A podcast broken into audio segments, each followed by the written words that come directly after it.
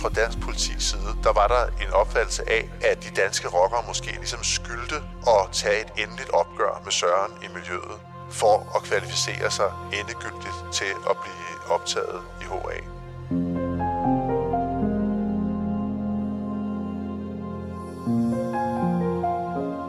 En forslået og livløs rocker i en baggård på Vesterbro i København. En frygtelig massevoldtægt i Holland. Og et rockerbruderskab, der ønsker at skabe orden i håbet om fuldgyldig optagelse i den internationale biker-elite. Det er bare noget af det, som du kommer til at høre om i denne udgave af Danske Drabsager. Vært på dette afsnit er igen politihistoriker Anders Brandt Lundager, og til at fortælle om sagen har han talt med forfatter og rockerekspert Carsten Norton – mit navn er Stine Bolter. Velkommen til podcasten Danske Drabsager, fortalt af de fagfolk, der har været helt tæt på. Det er tidligt søndag morgen den 2. september 1979. Alt ånder fred og ro på Vesterbro i København, da nogle personer slår et smut igennem området med tomme saneringsmodne bygninger. I en øde baggård bliver de mødt af et uhyggeligt syn. Et syn, de aldrig vil glemme. Midt imellem husholdningsaffald, møbler og gamle aviser ligger en slemt forslået og livløs mand på asfalten. Han er kun iført jeans, strømpesokker og en lys t-shirt, og de kan se, at han er gennemblødt af vand og blod. Manden har ingen puls, og de slår straks alarm. Blå blink lyser kvarteret op, da de første politifolk ankommer til stedet. Området bliver omhyggeligt afspærret, og kort efter kan betjentene fra Københavns politis drabsafdeling starte deres efterforskning. Offeret er en 24-årig rocker, og han er godt kendt af politiet. Men hvorfor er han død og ille tilret? Har der været slåskamp? Eller har nogen båret ham herind og efterladt ham til sin egen skæbne? Forfatter og rockerekspert Carsten Norton tager os med tilbage til september 1979, hvor livet af en 24-årig rocker blev fundet på Vesterbro. Manden er så kendt af politiet i forvejen, så der er forholdsvis hurtigt nogen, der genkender ham. Han er en ung fyr, som i øh, rockermiljøet går under kaldenavnet Søren Hul i Hår, og politiet ved, at han havde sin øh, faste gang i det, der dengang blev kaldt Rockerhuset i Titangade på Nørrebro. Og det her rockerhus, det var en ejendom, som kommunen havde udlejet til nogle motorcykelklubber i København. Og øh, derfor så øh, er det klart, at da politiet konstaterer, at det er, er Søren her, der er død, så peger pilen jo straks ud mod Tissangade. Man tager derud for at tale med folkene på stedet om, hvad det er, der er sket.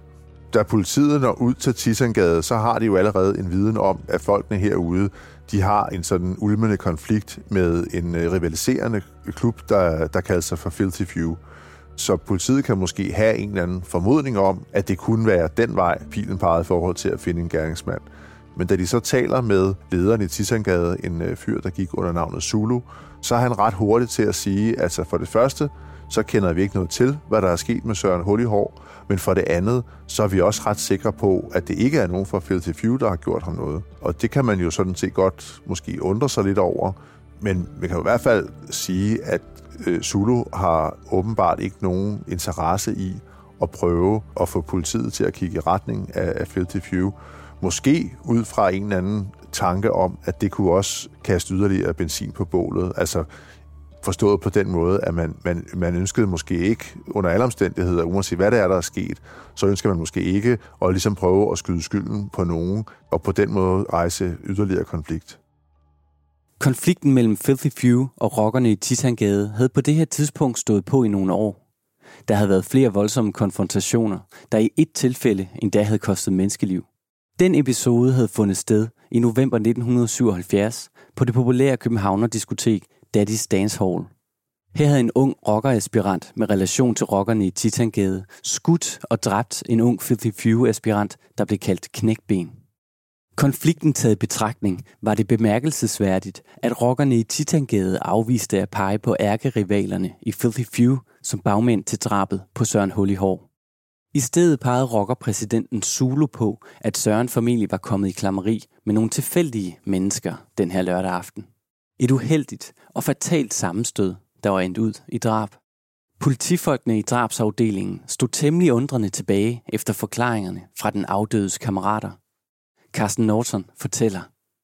Altså, de står jo sådan en lidt underlig situation. De har fundet et, øh, et lig.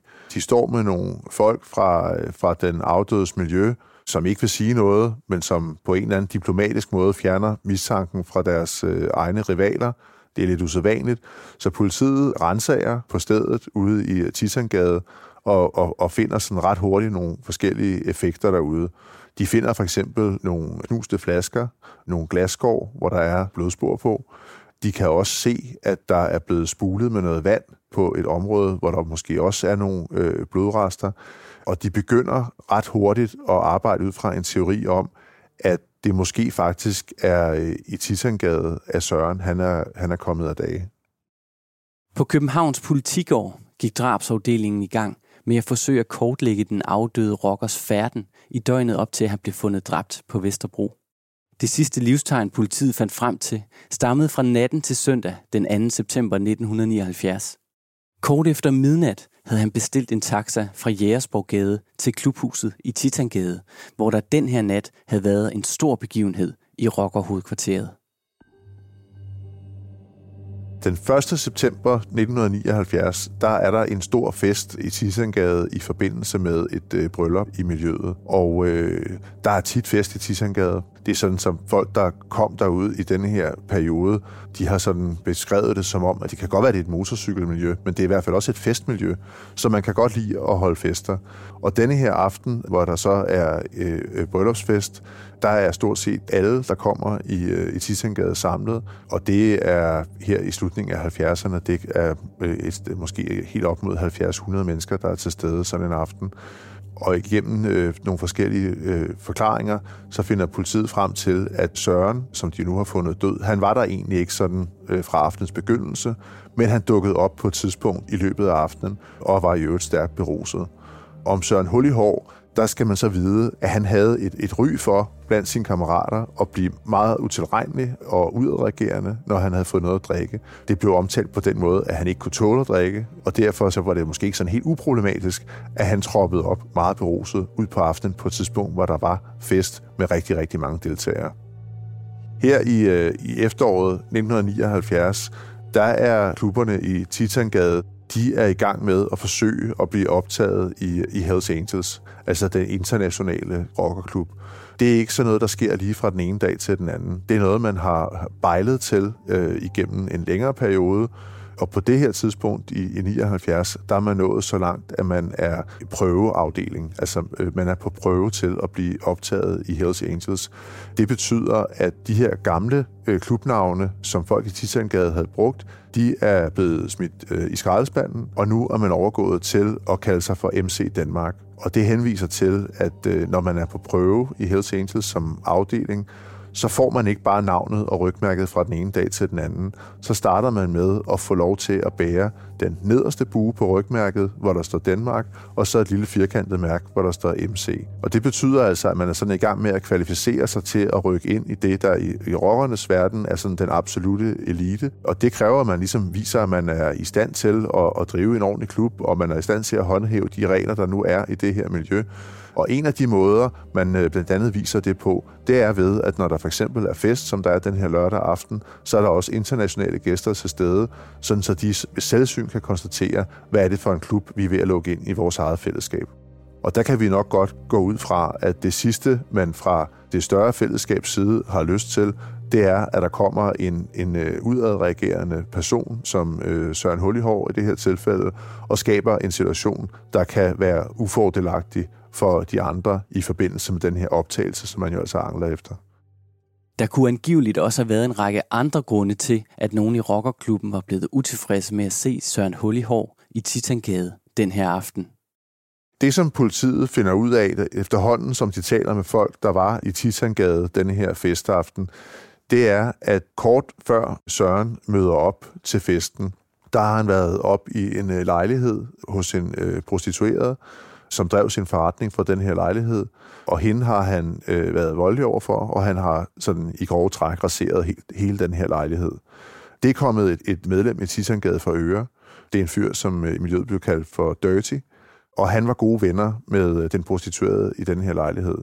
Så for Dirtys vedkommende, så er der jo sådan øh, et oplagt motiv til at være vred på Søren, fordi han har været grov over for hendes veninde, og det her med, at han har raseret hendes lejlighed, det betyder også, at hun nu umiddelbart i hvert fald ikke er i stand til at, at drive sin forretning og betale sin husleje. Derudover så er der nogle rygter øh, på Vesterbro om, at Søren han også har været hårdhændet over for nogle pusher i narkomiljøet.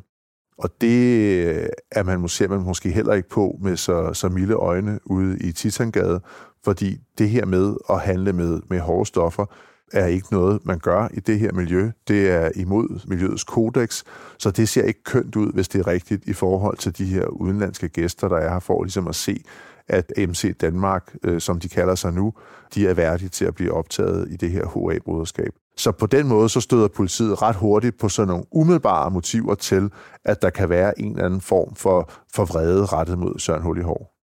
En raseret lejlighed tilhørende en veninde til en rockerkammerat. En voldsom konfrontation med pusher i narkomiljøet. Flere mulige motiver begyndte at tegne sig for politiet. I takt med, at politiets efterforskere fik lagt stadig flere brikker i puslespillet om det mulige hændelsesforløb og de mulige motiver til drabet, blev der efterhånden rettet opmærksomhed på en frygtelig hændelse, der havde fundet sted et år forinden i Holland. Det er sådan, at året før denne her festaften, altså i 1978, der er de danske prøvemedlemmer til HA inviteret til en, øh, en fest i Holland, hvor Hells Angels har en af sine store afdelinger her i slutningen af 70'erne. Det er en fest, der finder sted i maj 1978. Det er altså en større forårsfest, og denne her aften, den udvikler sig i en dybt tragisk retning, eftersom en øh, ung kvinde bliver udsat for en massevoldtægt i det her HA-klubhus. Det er en sag, der skaber store overskrifter, både i Holland og hjemme i Danmark, særligt fordi der er en øh, stor del, en stor gruppe af de fremmødte danskere, der bliver anholdt, varetægtsfængslet i Holland og efterforsket i forbindelse med denne her massevoldtægt. Og i miljøet, der er der en opfattelse af, at øh, i hvert fald en af hovedmændene bag denne her massevoldtægt, det er Søren Hullihår. Han slipper dog ret hurtigt af krogen fra politiets efterforskning og følger sagen mod sine kammerater fra tilhørerrækkerne. Og herfra så kommer han undervejs med nogle forskellige hånlige bemærkninger, hvilket selvfølgelig bliver opfattet som stærkt provokerende for dem, der nu sidder på anklagebænken og er under mistanke for at have taget del i den her voldtægt. Selve sagen, den ender faktisk med at glide lidt ud i sandet. Og det skyldes blandt andet, at det her med sådan et europæisk politisamarbejde med gensidige udleveringsaftaler osv., det er ikke noget, der sådan for alvor findes i 1978. Så da de her danske øh, rockere de bliver løsladt fra deres varetægtsfængslinger, så kan de faktisk rejse hjem til Danmark øh, og leve videre, som om ingenting var sket. Og det var også det, de gjorde. Det betød ikke, at sagen om den her øh, massevoldtægt, som i øvrigt gik under navnet gabestokvoldtægten, fordi kvinden på et tidspunkt blev placeret i en gabestok, det betød ikke, at den her sag, den gik i glemmebogen. Det var ligesom sådan en, øh, altså i mangel af bedre udtryk, en øh, stor hvid elefant i, i rockermiljøet. Det kan godt være, at der ikke var så mange, der havde lyst til at tale om det, men alle vidste, at det her fandt sted. Søren havde været under voldsom mistanke i miljøet. Han var gået af krogen, og han fortsatte til liv, som om ingenting var sket. Det var ikke kun rockerkammeraterne i Danmark, der havde noteret sig Søren Hullihors angivelige rolle i gabestoksvoldtægten. Også i det europæiske HA-miljø var man opmærksom på sagen. Carsten Norton fortæller. Der er flere problematiske forhold ved, at Søren han eventuelt har været primus motor i denne her episode. Altså, den første og mest grundlæggende, det er, at sådan en, en voldtægt, det gør man heller ikke i det her miljø. Det kan godt være, at man definerer sig som et broderskab, der har sine egne regler, stiller sig uden for samfundet osv. osv. Men man har stadigvæk også en justits om, at man må ikke være voldelig over for kvinder. Man må heller ikke øh, voldtage kvinder osv. Så, videre. så også inden for deres selvforståelse, så er det her altså no-go. Samtidig så har denne her episode kastet et rigtig, rigtig dårligt lys over de hollandske HA'er. Pludselig er deres store, prestigefulde klubhus i Amsterdam genstand for denne her gabestok-voldtægt, og hele landets interesse retter sig mod de her rockere. Og der er kvindesagsforkæmpere, der demonstrerer foran øh, retten, mens øh, retssagen finder sted. og protesterer mod det kvindesyn, som de her rockere til synligheden har. Så man kan sige, at det her det er ekstremt dårligt PR for de hollandske HA'ere.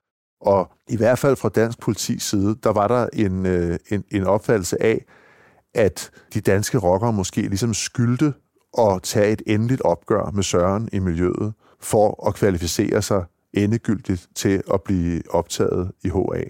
Det er aldrig nogensinde noget, der er blevet bekræftet eller afkræftet, men der var i hvert fald sådan en grundlæggende forståelse af fra politiets side, at det her med at skaffe Søren hul i hår og vejen, det var ikke noget, der skadede Titangade i forhold til det internationale bruderskab, som de gerne vil være en del af.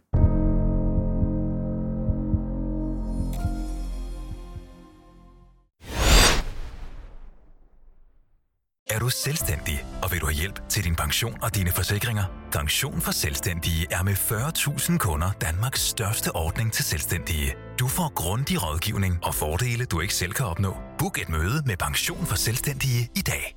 Kender du også det? Køkkenbordet flyder med brugte tallerkener, og opvaskeren skal fyldes igen, igen, igen. Hvorfor er det altid dig, der skal fylde den, når alle nu ved, at det er dig, der hedder det allermest? Kunne det måske være, fordi de andre ikke kan finde ud af at fylde den ordentligt? Bare rolig, det er helt normalt. Og hos Normal, der har vi alle de ting, du skal bruge for dit service maskine din holde skinnende rene, og det til møg beskidte lave priser. Normale varer, unormale priser. Bauhaus får du nye tilbud hver uge. Så uanset om du skal renovere, reparere eller friske boligen op, har vi altid et godt tilbud. Og husk, vi matcher laveste pris hos konkurrerende byggemarkeder. Også discount byggemarkeder. Bauhaus. Altid meget mere at komme efter. Kom til Spring Sale i Fri Bike Shop og se alle vores fede tilbud på cykler og udstyr til hele familien. For eksempel har vi lynedslag i priserne på en masse populære elcykler. Så slå til nu. Find din nærmeste butik på FriBikeShop.dk.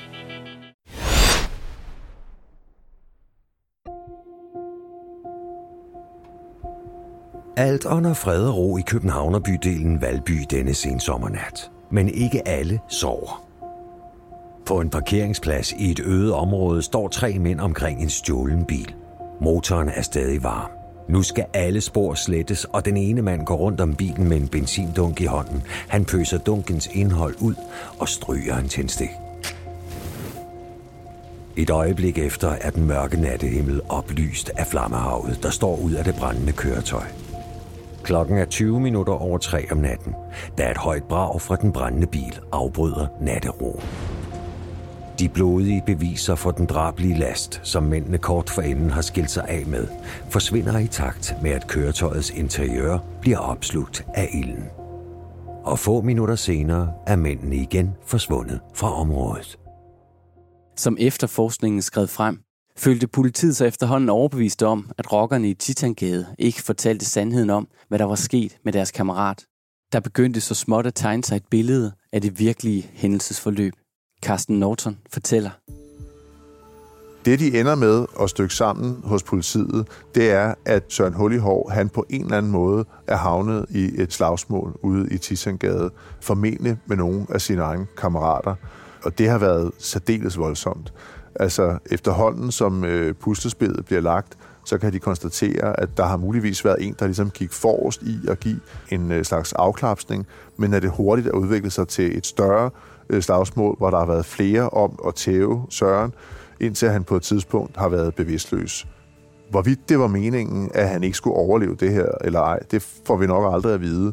Men altså på et tidspunkt, hvor han ligger bevidstløs på jorden, så opstår der i hvert fald en stemning af, at det her, det bliver vi simpelthen nødt til at prøve at skaffe af vejen på en eller anden måde og skjule vores spor.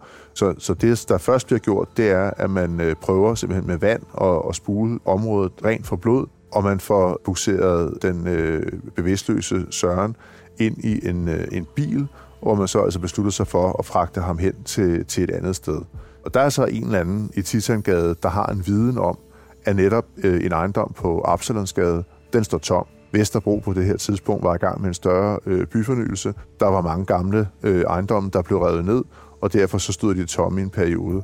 Så det her virker jo som det helt oplagte sted at skjule lige inde i en, øh, en bag, baggård et godt stykke væk fra gaden, og altså et sted, hvor der ikke sådan lige umiddelbart var nogen beboere. Så det er det, man gør. Man kører simpelthen øh, den bevidstløse Søren øh, hen i den her baggård, og placerer hans, øh, hans krop på, på øh, jorden og kører derfra igen. Formentlig ud fra en eller anden, hvad skal man kalde det for, forhåbning om, at det ville se ud som om, at det var der, han var blevet slået ihjel. Der havde været mange vidner til slagsmålet i Titangade, og det blev efterhånden muligt for politiet at indskrænke en række mulige gerningsmænd til drabet. Politiets opmærksomhed rettede sig særligt mod rockeren, der gik under navnet Dirty. Det var ham, hvis veninde angiveligt havde fået raseret sin lejlighed af Søren Hul i hår. Efterhånden, som politiet afhører de rockere, der var til stede under den her slåskamp, så indskrænker de sådan søgefeltet til, at det er Dirty, der har været sådan øh, den drivende kraft i at starte slagsmålet med Søren Hul i hår. Det erkender han faktisk også selv. Han indrømmer, at det var ham, der sprang på Søren og, og ville give ham en røvfuld. Han afviser, at det nogensinde var meningen, at Søren skulle omkomme som følge af det her slagsmål. Det, som Dirty så også fortæller, og som flere andre også bekræfter ham i, det er, at på et tidspunkt, der er Søren Hullihår ligesom ved at få overtaget den her slåskamp. Han er også kendt for at være en stærk fyr. Han havde drukket, og han var kendt for at være voldelig, når han var fuld. Så øh, de andre tilstedeværende, de var sådan angiveligt også bange for, hvad der skulle ske, hvis Søren han pludselig fik overtaget for alvor. Så der var en, øh, en håndfuld af de andre mænd i lokalet, der øh, kom Dirty til undsætning, og altså hjalp ham i, øh, i kampen mod Søren Hullihår. Det, som de også fortæller, de her seks rockere, det er, jamen altså, det var ikke meningen, at Søren han skulle dø af det her. Og det prøver de ligesom at, at styrke ved at sige, at de jo også ringede 3x0, som var nummer til alarmcentralen på daværende tidspunkt, og for at slå alarm og sige, at deres øh, kammerat var kommet til skade. Der skete jo så uheldigvis det, at inde hos alarmcentralen, så var der et eller andet teknisk koks, der gjorde, at man ikke reagerede på det her opkald. Rockerne havde jo også ringet fra en, øh, en telefonboks et helt andet sted i byen, og ligesom sagt, at man, der er en, der er kommet til skade, han ligger i Absalonsgade på Vesterbro, og de her oplysninger, de gik altså på en eller anden måde tabt, men ikke desto mindre, de havde prøvet at ringe. Det var nok i virkeligheden bare for sent, at de gjorde det. Efter politiet i grove træk havde konstateret hændelsesforløbet omkring slåskampen, søgte man at afklare et andet centralt spørgsmål. Havde der været tale om forsætligt drab? Vidneforklaringerne kunne ikke entydigt besvare det spørgsmål, så man måtte sætte sin lid til de retsmedicinske undersøgelser.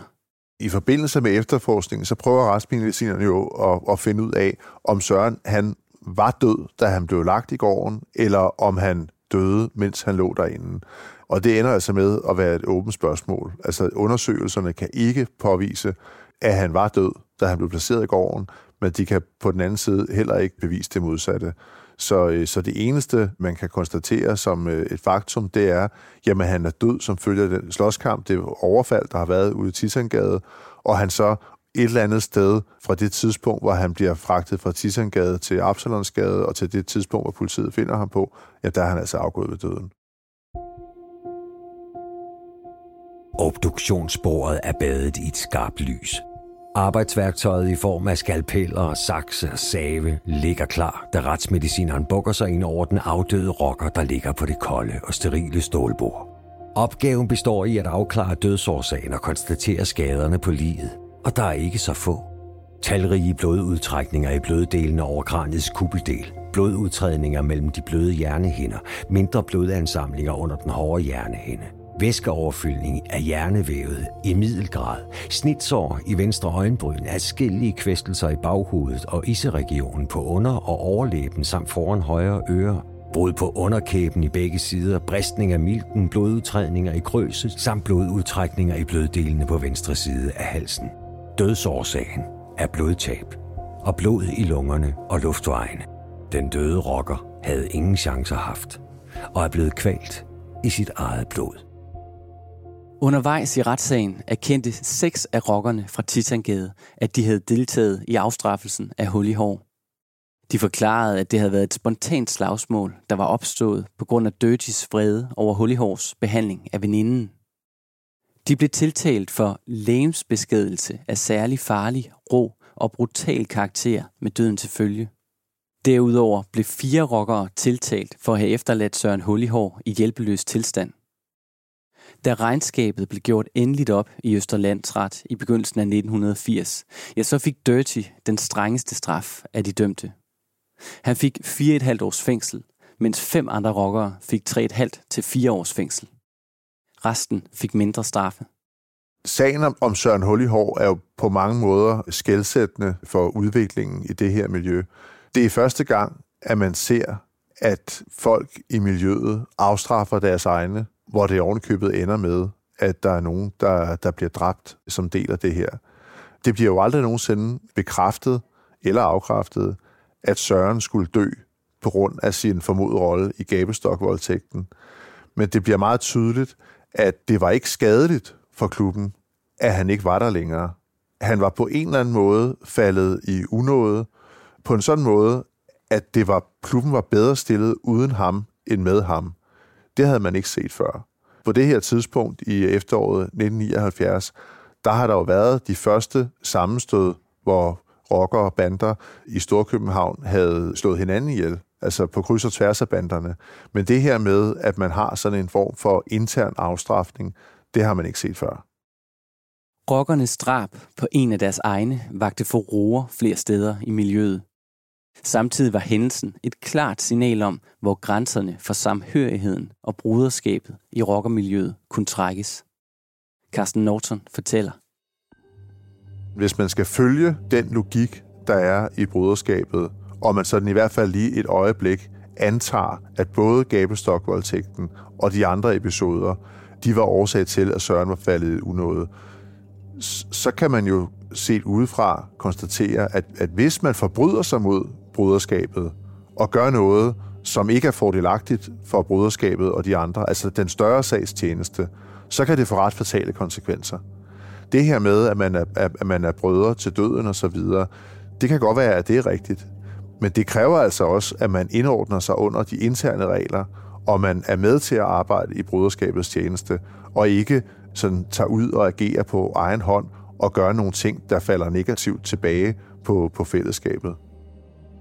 Drabet på Søren Hullihår var også med til at skærpe politiets fokus på rockernes internationale forbindelser. Der har helt sikkert været nogle aha-oplevelser for, for politiet i forbindelse med, med efterforskningen af drabet på, på Søren Hullihår. Fordi man kan godt antage, at de nok indledningsvis har tænkt, at øh, det er nogle andre end hans egne, der har slået ham ihjel. Så, så den første store overraskelse, den er formentlig kommet, da det viser sig, at der er tale om det her interne opgør. Altså at gerningsstedet simpelthen er i Titangade, og Søren er blevet slået ihjel af sine egne. Og samtidig, så netop fordi dansk politi er jo godt klar over, at der har været den her gabestok-voldtægt året for inden, og at nogle af de her gutter ude i Titangade, de formentlig havde været en del af det, jamen så kan de også se, at der lige pludselig er nogle forskellige, altså internationale interesser på spil. Det er i hvert fald en teori, som de ikke kan afvise. Altså, det kan godt være, at Søren har været udadreagerende denne her aften, og han har raseret denne her lejlighed hos en prostitueret, men det kan også godt være, at nogle af de her øh, internationale gæster, jamen, de har måske haft en interesse i, at der blev taget et endegyldigt opgør med den måde, som, som Søren havde ageret på året for inden. Og det har været fordelagtigt for dem i Tissangade at vise, jamen, vi kan godt finde ud af at håndtere de her problemer. Der er kontant afregning, hvis man forbryder sig mod vores broderskab og de interesser og det større internationale fællesskab, som vi også gerne vil være en del af.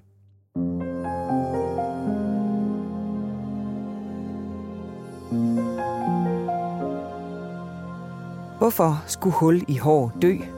Var det rockerbroderskabets forsøg på at statuere et eksempel?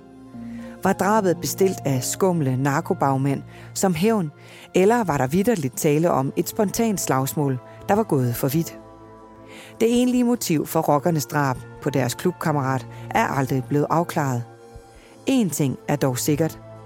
Det blev ikke det sidste drab udført af medlemmer fra klubben, som kort efter, i december 1980, blev optaget i Hells Angels.